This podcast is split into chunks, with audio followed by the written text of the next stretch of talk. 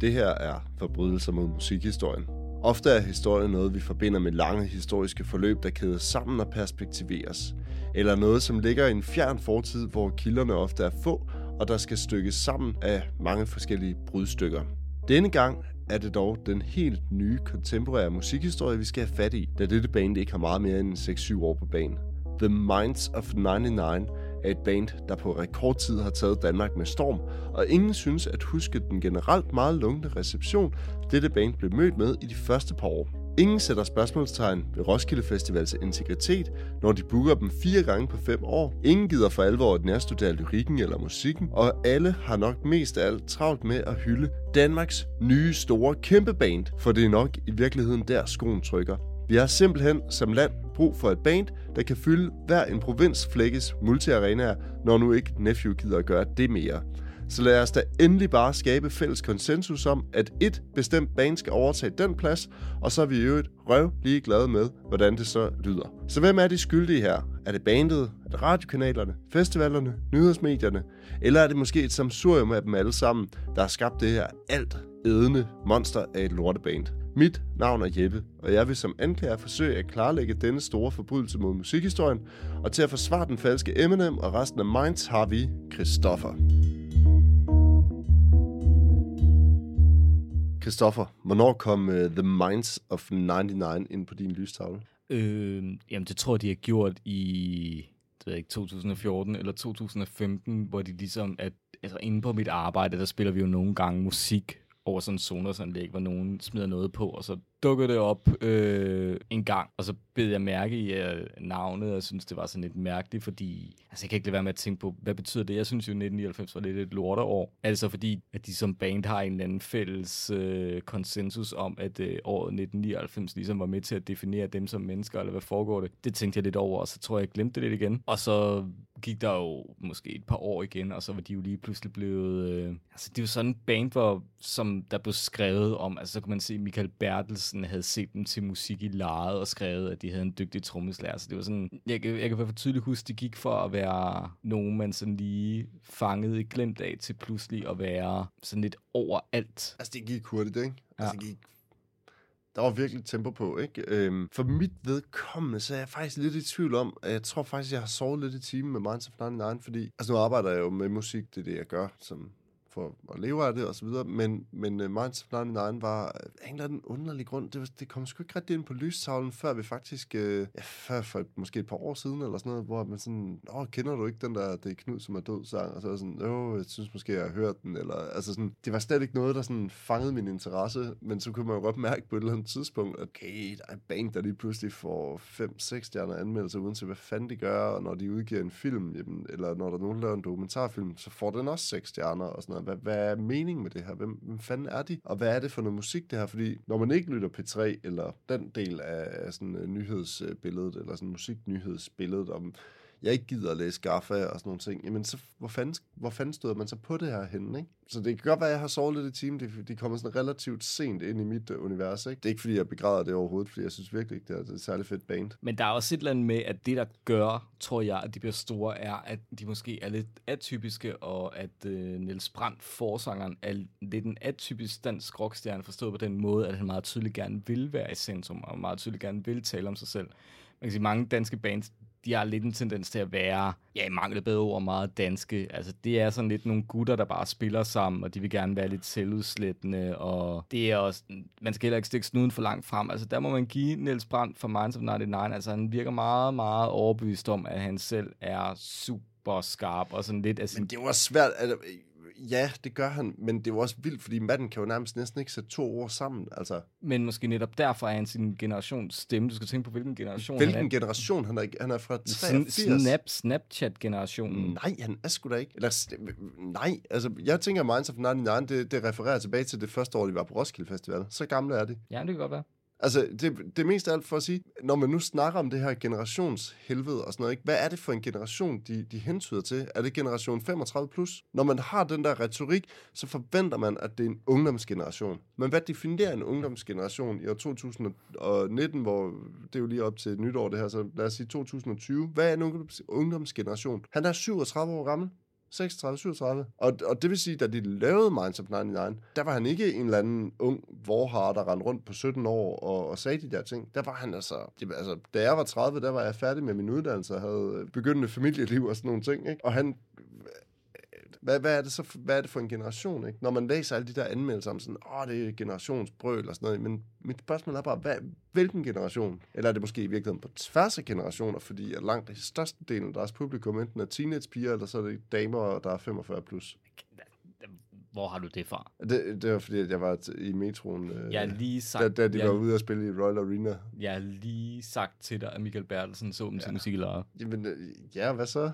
Men du var i metroen, siger du? Jeg var i metroen, med, og vi kunne ikke komme ind i metroen, fordi at der var fyldt med damer på ja, 40 plus, der skulle ud og se of 99 i Royal Arena. Men en ting med det Jeg var fandme hissig den dag, fordi vi stod med barnevogn, og der var ikke nogen, der... Det var virkelig træls. Det er selvfølgelig ikke of 99 skyld, altså at deres publikum er boglam. det er, han, Niels Brandt modsiger i hvert fald ikke folk, der siger, at han er sin generations stemme.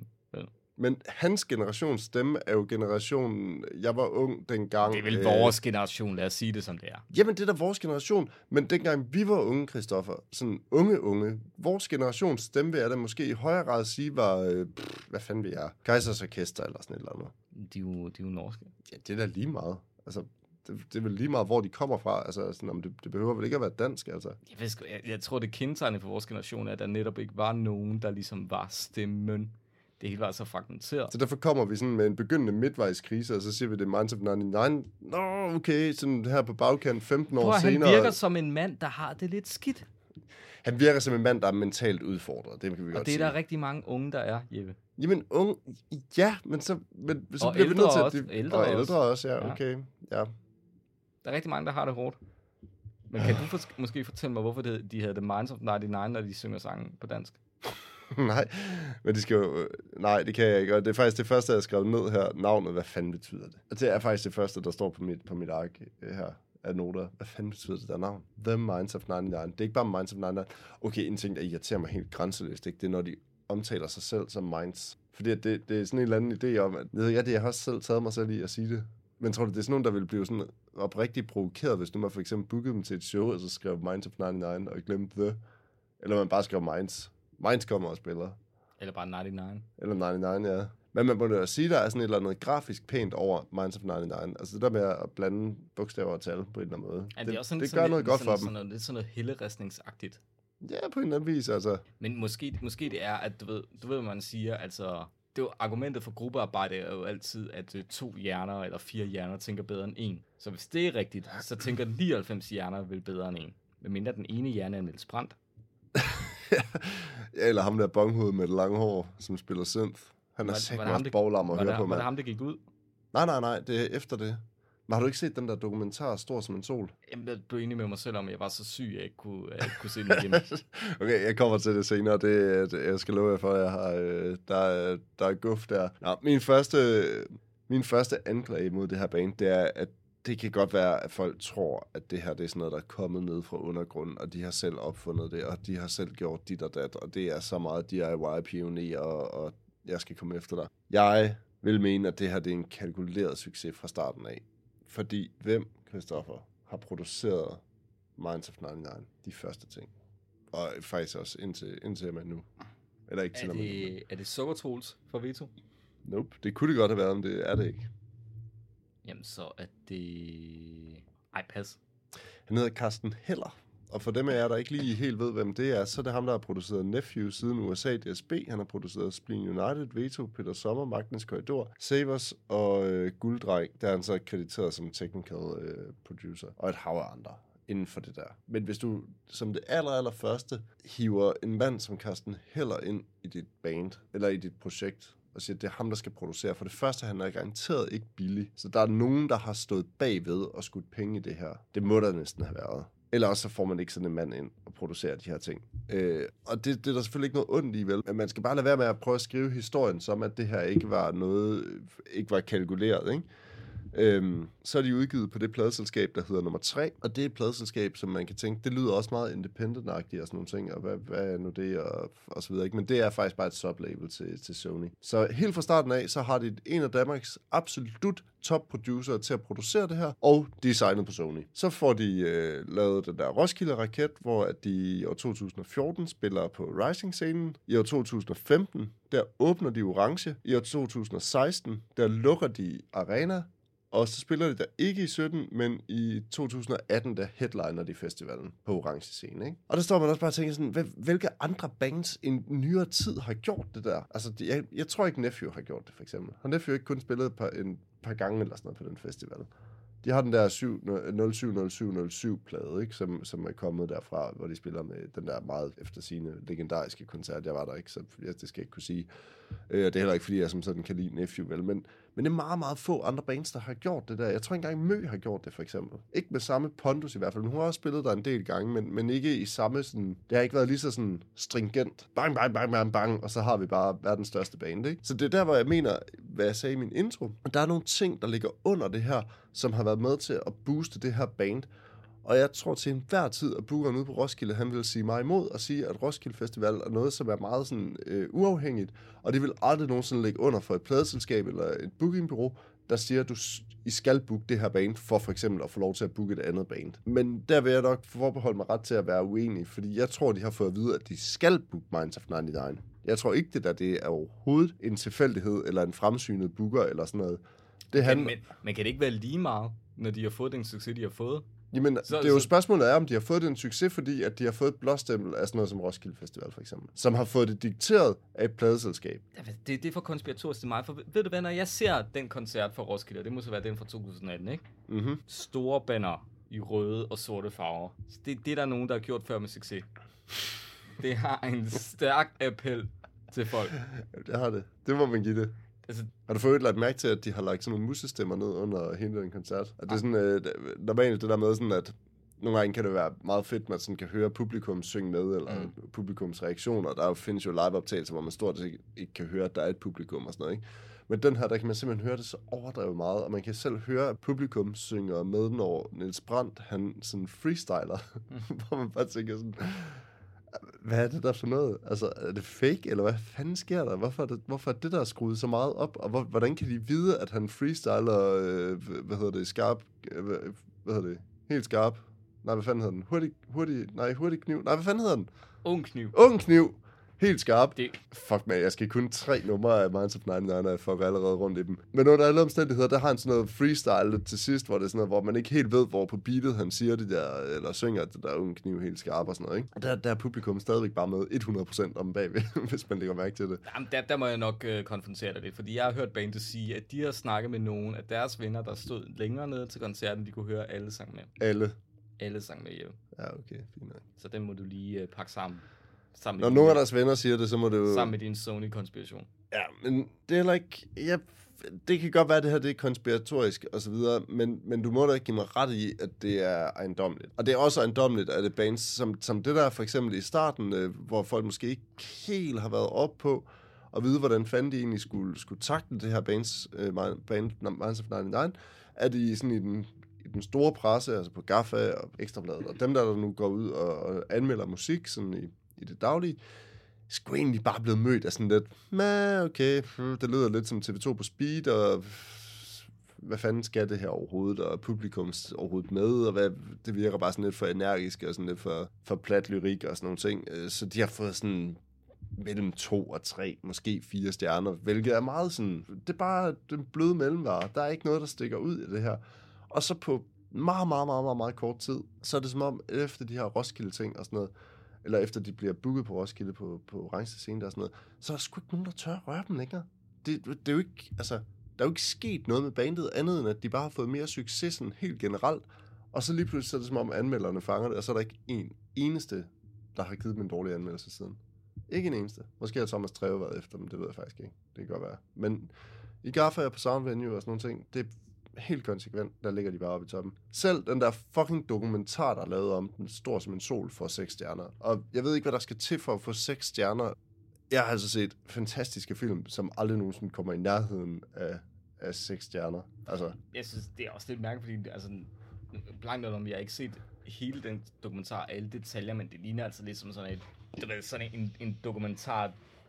På et tidspunkt, der havde man de der enhanced CD's, hvor du købte en CD, og så var der måske en ekstra CD med, men en, en CD-rom med en uh, dokumentarband, der Ja. havde lavet om indspilning af pladen og sådan. Det minder mig lidt om det. Det er sådan nogle trivialiteter med, at de står og snakker om, okay, skal vi indspille nu, eller skal vi lige lave noget mad først? Så du har lyst til at lave mad? Nej, det har jeg sgu ikke rigtigt. Nå, skal okay. vi bare købe nogle pizza? Ej, jeg har ikke lyst til at spise pizza, fordi det er lidt for usundt og sådan noget. Det er bare, bottom line af det er bare, at der er så meget i det her, der stikker ud i sådan en, skal vi sige sådan, der er en, der er en fælles konsensus blandt meningsdannere, at øh, det her, det skal vi ikke komme efter, fordi vi har et behov for at have den her historie om det store rockband i Danmark. For den er der ikke. Hvem fanden skulle det ellers være? Nephew, de er væk. De er long gone. De har ligesom optaget det rum, øh, som Nephew efterlod sig.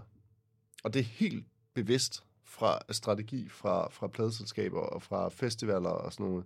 Men kunne det ikke også komme fra dem selv? Altså, tror du ikke, at altså, ham der Niels Brandt, han slår mig som en forholdsvis kalkuleret type? Det kunne da sagtens komme fra dem selv, og det har det nok også gjort in, in the first place. Jeg tror, at på et eller andet tidspunkt, de nok har givet hånd på, at nu er der ikke børn og sådan nogle ting, der kommer i vejen for det her projekt, vi er kørende, fordi det er klart, at, øhm, at i de første par år og sådan noget, er jo altid skrøbeligt, hvis der er lige pludselig nogen, der synes, at de ikke vil turnere lige så meget, eller sådan noget, ikke? Men for eksempel det der med, at de har helt konsekvent satset på et dansk marked. Ikke? De har haft en, en klippetro på, at det der, det kunne lykkes i Danmark, og leve af at spille musik. Ikke? Det er eddermame med få andre for ondt at kunne det. De har aldrig nogensinde satset ud over Danmarks grænser. Det kan godt være, at de er i gang med det nu her, sådan faktisk lige skrivende stund, ved at de har lavet nogle ting på engelsk og sådan noget. Men det gør også bare, at det bestyrker mig i, at, at det her, det er en, øh, en kalkuleret succes. Og man må også sige, at hvis det var nu her, lige nu i skrivende stund, hvem er det så, der vil være definerende for det band? Der er hele bandet ligegyldigt på nær Niels Brandt, ikke? Ja, og så måske ham trommeslageren, der ligger, ligner Nikolaj Kostner Valdau. Nå ja. ja, det er faktisk rigtigt. Ja, han- ja han er, men, der er også et eller andet med det der trommespil, altså. Er der ikke det? Er man ikke sådan lidt for meget op på, at man synes, han spiller pis godt, ikke? Ja, han er bare, han er bare sådan, han ligner sådan en klassisk kons-dreng. Ja. Det er jo fint nok. Det er da fint nok, men der, så er der bare alle de der fucking irriterende ting, så hvis man har givet dig at tykke sig igennem øh, kommentarsporet på, hvad hedder det, på den første plade, hvor de snakker om øh, det er Knud, som er død, hvordan det blev indspillet. Den måde, de angav tempo på i den, det nummer, det var så hurtigt, som ham der trommeslageren, han kunne spille. Hvad hedder han? Louis... øh, Louis eller noget. Ja. Ja. Alt det der, det, det virker bare fake på mig af helvede til. Var, var, var, det, var, det, øh, var det den første plade, eller måske det Knud, som er død, hvor de var på Fanø? Ja. Ja, ja, det snakker de jo meget om. I hvert fald historien er, at de har, indspil, at de har haft sådan en eller anden ø- øver, eller forsøgt at indspille noget i et sommerhus i Fanø hen over en weekend. Og så har de pakket alt grad ned i bilen og skal tilbage til København. Og så siger Niels Brandt, vent, vent, vent, jeg har den, vi skal stille op igen. Sådan, Prøv lige at, hvis du havde den på Fanø, så har du den også, når vi kommer hjem til København, man. Det gider jeg fucking ikke, det der. Ja. Jeg tænker bare sådan mere, at det her sådan, at det i virkeligheden måske mere sådan en opfindelse end et band, ikke? Det leder mig lidt hen til, øh, medmindre du har noget, du vil skyde ind her, Christoffer. Ikke sådan øh, lige nu. Fordi det, det leder mig lidt hen til at snakke på et lidt andet plan, øh, end lige præcis The Minds of 99, men måske mere sådan snakke om det her sådan, mekanismer, der er bag ved de her hitbands. Og der er for eksempel sådan en ting med, at når bands når den her størrelse, hvor de spiller arenaer i Danmark, hvem er så deres publikum? Hvem er det egentlig, de spiller for, når de når derop? Fordi jeg tror, at dem, der tager i Royal Arena og ser The Minds of 99, det er folk, som måske tager ud og ser et, max to shows om året. Og det vil sige, at de shows, de tager ud og ser, er partout verdens bedste shows. Det kan slet ikke diskuteres. Så det vil sige, det er folk, der i bund og grund er ignorante i forhold til det at tage ud og se musik helt generelt, fordi det er ikke folk, der tager på loppen. Det er ikke folk, der tager på tape i Aarhus. Det er ikke folk, der tager øh, på radar eller andre steder, hvor, hvor der også er mange, mange, mange, mange, mange, koncerter med alle er det, mulige er det tape forskellige. eller radar, der er musikcaféen? Øh, tape er musikcaféen, men Radar var musikcaféen før, og så flyttede over i nye lokaler. Ja. Wow. Ja, ja, never mind. Men bare mere for at sige, at der er jo folk, der konsumerer kultur på en helt anden måde, ikke? Og hvor de har et andet benchmark for, hvornår ting er godt, og hvornår ting er dårligt. Men det er jo klart, at hvis der står 16.000 mennesker ude i Royal Arena, som ikke er vant til at tage ud og se shows som sådan, altså langt de fleste af dem ikke, men, så, men det her show, det sætter vi os op til, fordi at vi ved, at den her gang skal vi afsted, så vil jeg skyde på, at langt de fleste har en fantastisk aften, fordi at de beslutter sig for at have en fantastisk aften, og fordi at de ikke Det har er der noget da helst at heller ikke noget galt i. Nej, men man skal da bare lade være med at komme og sige, at det kan et eller andet helt fantastisk, som det ikke kan. Og det er jo nogle mekanismer, der ligger bag ved det her at have et kæmpe bane. Det er jo de her, den her historiefortælling om, hvorfor ting er kæmpe store. Ikke? Øh, og der er sådan en blurry ting med, at sådan helt generelt, igen med store bands, at folk har en tendens til at glemme, hvordan det helt præcis startede. Fordi lige pludselig, så var de der bare, og så var de bare kæmpe store. For eksempel sådan noget, som vi har snakket om før, Nephew, Mø, øh, eller Minds of 99, ikke? Altså, det der analyselag i, hvor meget er det publikum, der selv finder de her ting, eller hvor meget er det pladeselskaber og medier, der har et behov for at pushe et bestemt band frem på den her måde. Og når så, at bandet har nået den her status, jamen så er der faktisk ikke nogen medier, der som sådan går efter dem, i Danmark i hvert fald. Hvor mange danske bands på arenature eller på orange scene får dårlige anmeldelser i danske medier? Det har jeg ikke tjekket, men altså, jeg er da sikker på, hvis nogen øh, altså, tager kendis på arenatur. Nej.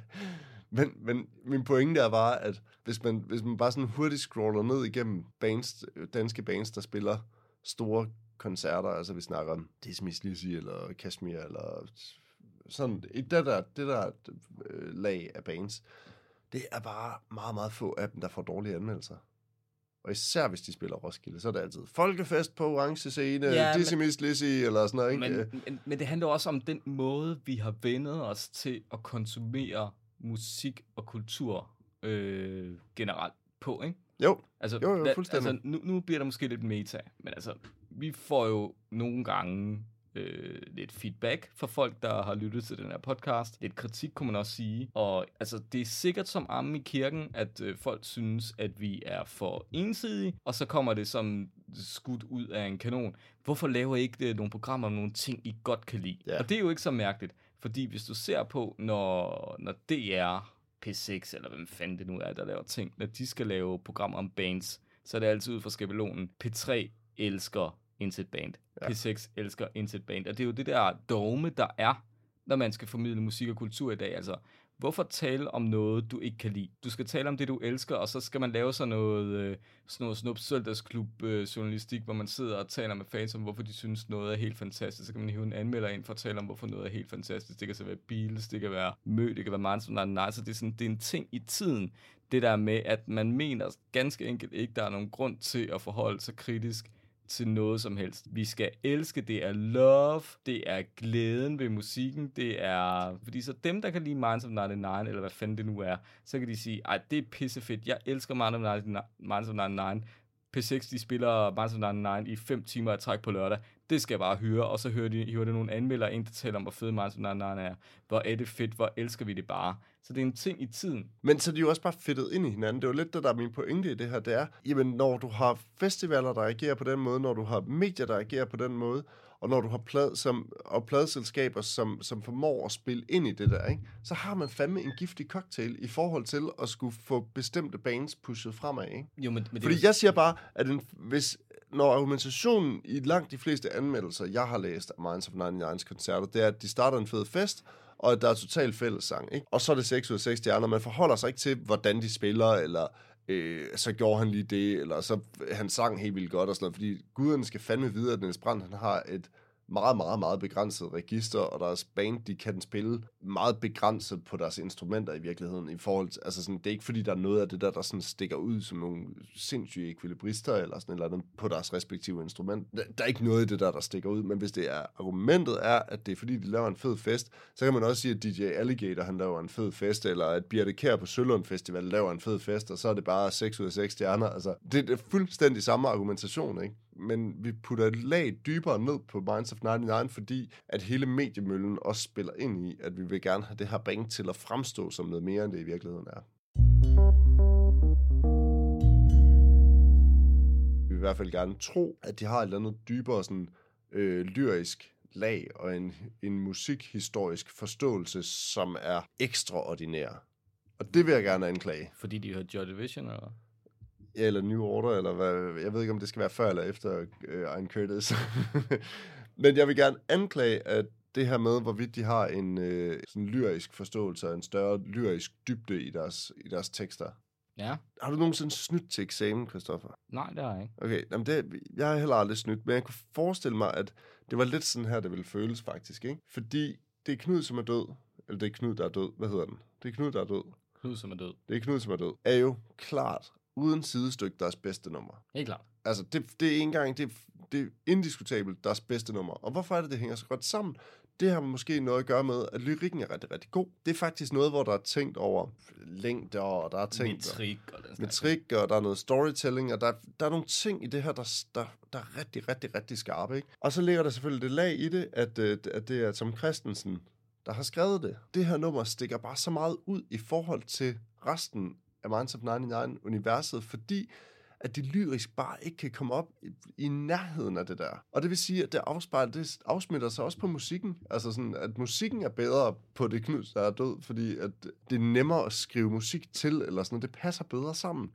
Men hvor deres anden lyrik, det er bare noget sjask. Altså, det er sådan noget tilfældighedslyrik, øh, hvor sådan enkelte linjer repeteres i det uendelige. Ikke? Altså, ung kniv, helt skarp. Hvis jeg i øvrigt, hvor ung skal man være for, at sådan noget her, det giver mening, ikke? når nu Niels Brandt, han er langt over 30, ikke? Altså, eller øh, det er ligesom om, vi er blevet til rave, eller bla bla bla bla bla. Ikke? Altså, der, der er mange eksempler på det her sådan repetitive øh, lyrik, som virker ret tilfældigt. Ikke? Jeg kan jo bare have skrevet en masse tilfældige ord, og så smidt dem ned i en skål, og så taget dem op, og så, nå okay, det er et nyt Minds of 99 nummer. Ikke? Så derfor virker det bare på mig som om, at det er Knud, der er død. Det er sådan noget, de har hævet ind ret bevidst, fordi at det skal give dem det her lag af noget pseudo-intellektuelt. Nogen, der ved noget om dansk kultur. Nogen, der ved noget om dansk lyrik. Nogen, der er med på beatet på den der... Øh, vi, vi kan lige så godt sidde og læse Hamsung, og, øh, som vi kan øh, øh, læse Michael Strunge, og vi lægger, stiller os på skuldrene af mestrene, men nu laver vi vores eget, ikke? Jeg tror ikke, det kunne være noget så simpelt som, at det, altså nu er jeg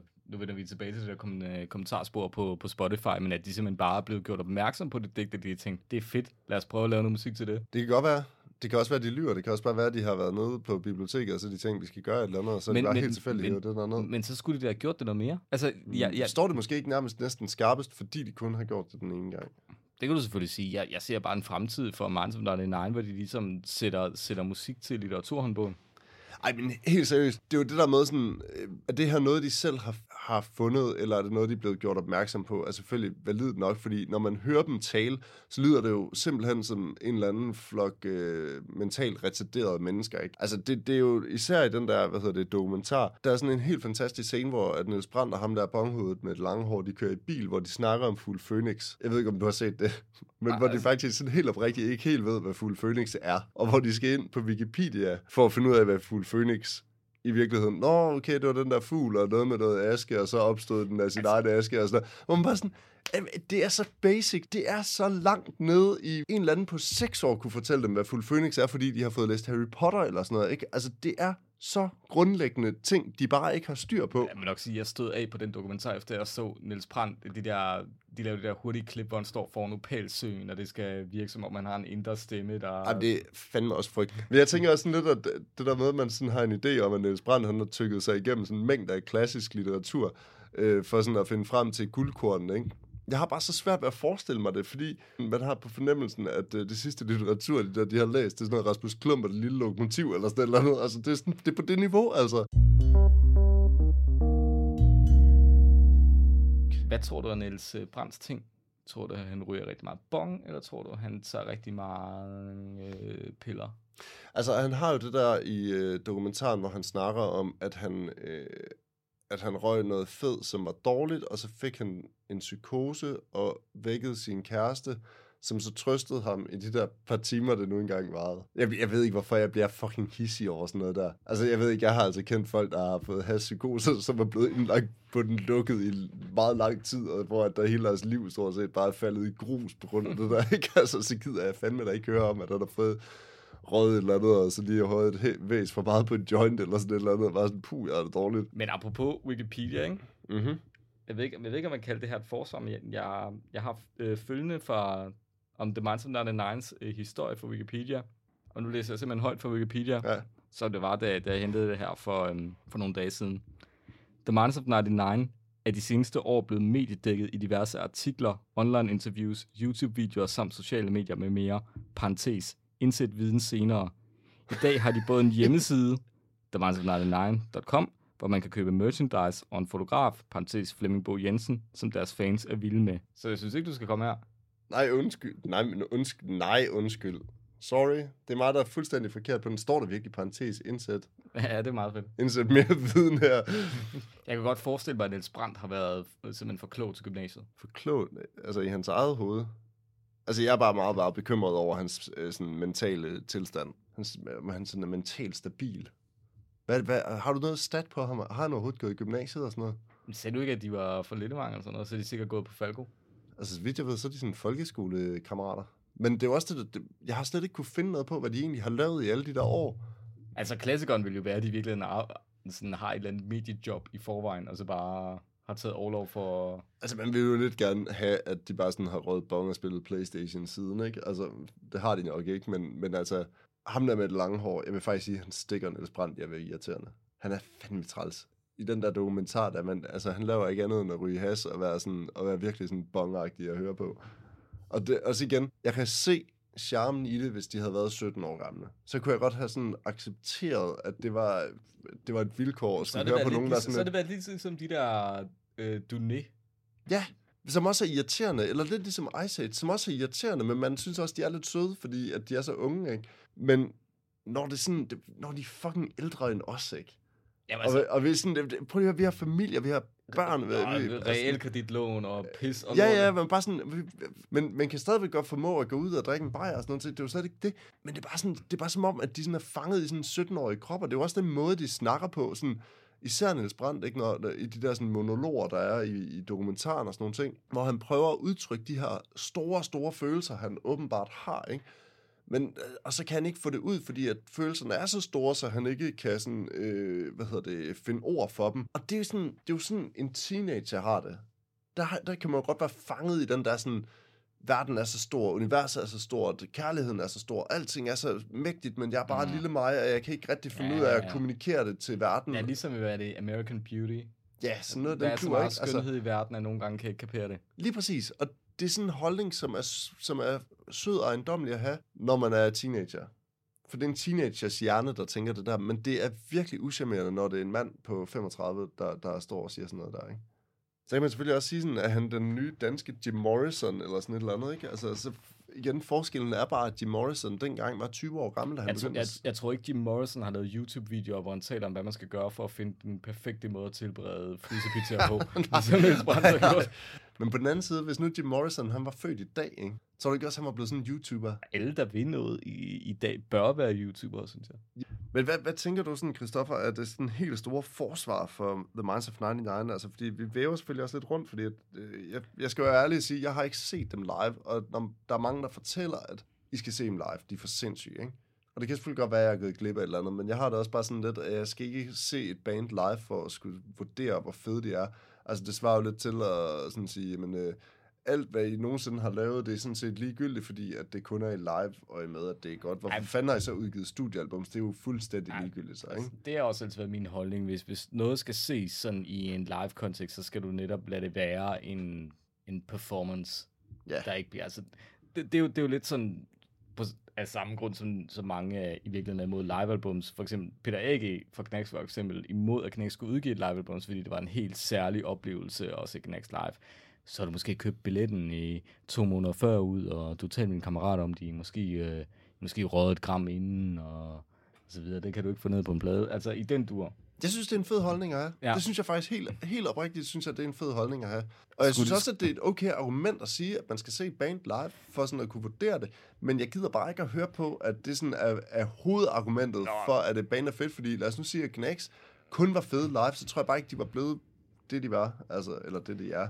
Altså, der, der, der er i hvert fald et eller andet, der ikke hænger sammen. Altså, mit, mit forsvar må være, og det er jo også sådan lidt pseudo, men altså, jeg må sige, hvis du som band i dag, så fragmenteret som det er, det med at opdage ny musik og og dyrke musik og så videre. Hvis du kan have den indflydelse på folk, hvis du kan få folk op i det felt, hvor de synes, at Minds of 99 ikke bare er et godt band, men et band, der ligesom taler til dem og taler på vegne af en generation. Det kan være rigtigt eller forkert, men altså, du, er, du er i hvert fald lykkes med et eller andet, hvis du kan få den status. Og det har jeg om ikke respekt for, så i hvert fald, jeg, jeg synes, man må anerkende den stringens, de ligesom har haft i deres image og udtryk. Selv, ja, de altså, har jo ikke ændret noget som helst, basically, siden de startede. Altså, jeg, jeg, jeg kan ikke forstå det, men det er måske lidt sådan, som nogle øh, religiøse mennesker har det, med, har det med Gud og så videre. Altså, man, man, kan ikke, man kan ikke forstå det, man kan ikke se det, men man er nødt til at anerkende, kan man sige, den effekt, det har på omverdenen. Jamen, øh, jeg vil da sige, at, at hvis Fik det... vi lige sammenlignet Niels Brandt med Gud? Det tror jeg, vi Men jeg vil da sige det sådan, at hvis det er det, der trækker os øh, manikeret af stallen for at gå ud og se et eller andet, øh, for at tage ud på sit lokale venue og se et eller andet musik, jamen så, så kan jeg jo heller ikke som sådan have det. Det aspekt af det, at de er store, men jeg kan godt have deres musik, for jeg synes virkelig, det er noget lort. Og jeg synes, det er virkelig underligt, at et samlet dansk anmelderkorps stiller sig op og siger sådan noget bævl som, at det for eksempel er et generationsband, og de definerer et eller andet, hvor det bare lyder som TV2 på speed, og der er ikke nogen, der sådan forholder sig. Der er ikke nogen, der går i dybden med teksterne, der er ikke nogen, der går i dybden med musikken, eller hvordan ting hænger sammen på en plade, eller hvordan et liveshow er bygget op, eller sådan noget. Det eneste, det handler om, det er alt det udenom. Det er publikums øh, reaktion. Det er, om de har en øh, sakse, eller hvad hedder det, en lift med på scenen. Det er, om øh, de laver liveshowet vildere den her gang end sidste gang. Øh, det er, om øh, gitarristen går ude mellem publikum, mens han spiller og sådan noget. Det er bare... Altså, der er jo ikke noget af det her, man ikke har set før, at store bands gør. Altså, det er der ikke noget odiøst i at hejse trommesæt op og spille. Altså, Motley Crue for helvede har gjort det der tilbage i 80'erne, ikke? Og fandt det rundt og drejet rundt, og øh, Kiss øh, sendte, hvad hedder han? Øh, fandt, Ace Frehley? Ja, langt ud over publikum og sådan noget. Altså sådan der, med vejer og træk og sådan nogle ting, ikke? Så alt det der show-off, det har man jo set så mange gange før. Der er jo ikke noget vildt i det som sådan.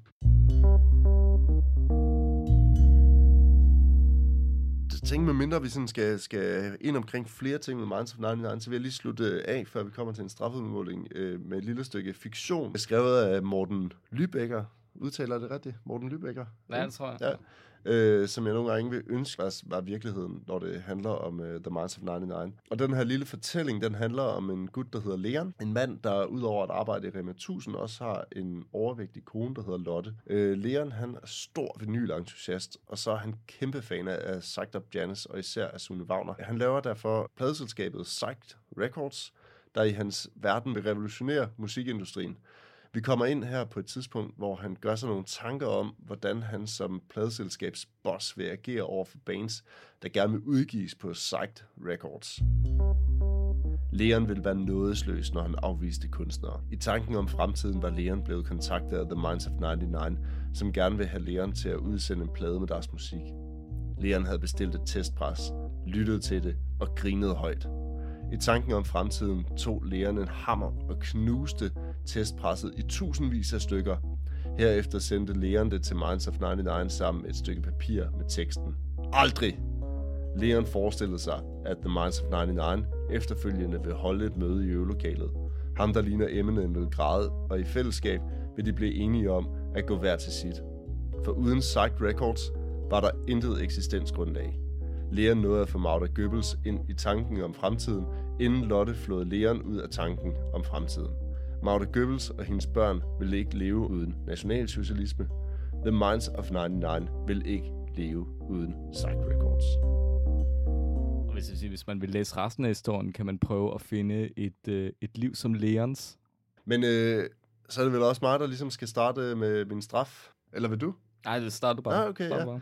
Min straf, den tager udgangspunkt i, at jeg er så sindssygt irriteret på det Knud, som, øh, det Knud, der er død. Og den måde, de påtager sig det her pseudo-intellektuelle niveau, øh, men hvor det også står så larmende klart, at det er totalt tilfældigt, uden på nogen måde at have læst, eller for den sags skyld interesseret sig for den her type litteratur. Øh, men sådan udelukkende har taget det her nummer med, sådan at uh, use hvor smarte vi er, uh, use hvor belæste vi er. Så lidt som når man opdager, at ens barn er begyndt at ryge cigaretter, så man straffer barnet ved at spærre det inde på sit værelse og sige, at du må først komme ud, når du har røget en hel karton cigaretter. Så skulle man også sige til Niels Brandt og resten af Minds of 99, at de skulle øh, lukkes inde på et bibliotek med et større udvalg af danske lyrikere og forfattere, og så skulle de danne sådan en eller anden form for læseklub, hvor de læser og diskuterer de her værker, måske sådan superviseret af en bibliotekar, øh, og de må så først komme ud igen, når de har læst helt lortet. Det skulle være min straf. Ja, min straf, øh, den er vel lidt i den forbindelse. Jeg synes, de skal holde sig til det, de er gode til. Og jeg synes faktisk, at man, og der kan man jo prøve at finde nogle øh, puljemidler fra kulturen. Der findes sikkert nogen. Altså, hvorfor ikke lade Minds of 99 øh, tonesætte det meste af litteraturhåndbogen og til brug i gymnasierne? Det kunne stimulere øh, elevernes øh, interesse for dansk lyrik og så videre. Så, så kan man sige, du har Tom Christensen, det kan også, jeg tror også godt, de kunne tonesætte måske en, en Islands saga, eller en folkevise, måske, ja, hvad hedder det, Fru Marie Gruppe, kunne de få noget ud af. noget Pontoppidan, tror jeg også, lige af, lige af Niels Brandt. Måske, han er måske mere en Herman Bang-type, ikke? Men altså, jeg, jeg tror, det vil komme igennem det hele. Det vil, jeg, ved ikke, om, jeg ved ikke, om det vil være en form for straf, for jeg tror virkelig, det vil være med til at udødeliggøre dem. Øh, for jeg forestiller mig, at de kunne blive hængende i klasselokalerne meget længe. Så det vil være min straf. Og således opmuntret vil vi sige hej hej. Du har lyttet til Forbrydelser mod musikhistorien. Du finder os på Spotify, eller i iTunes, eller på Facebook, hvor du passende kan gå ind og like os, give os ret, eller belære os om alt det, vi simpelthen ikke har forstået. Husk, intet er heldigt, heller ikke på Facebook.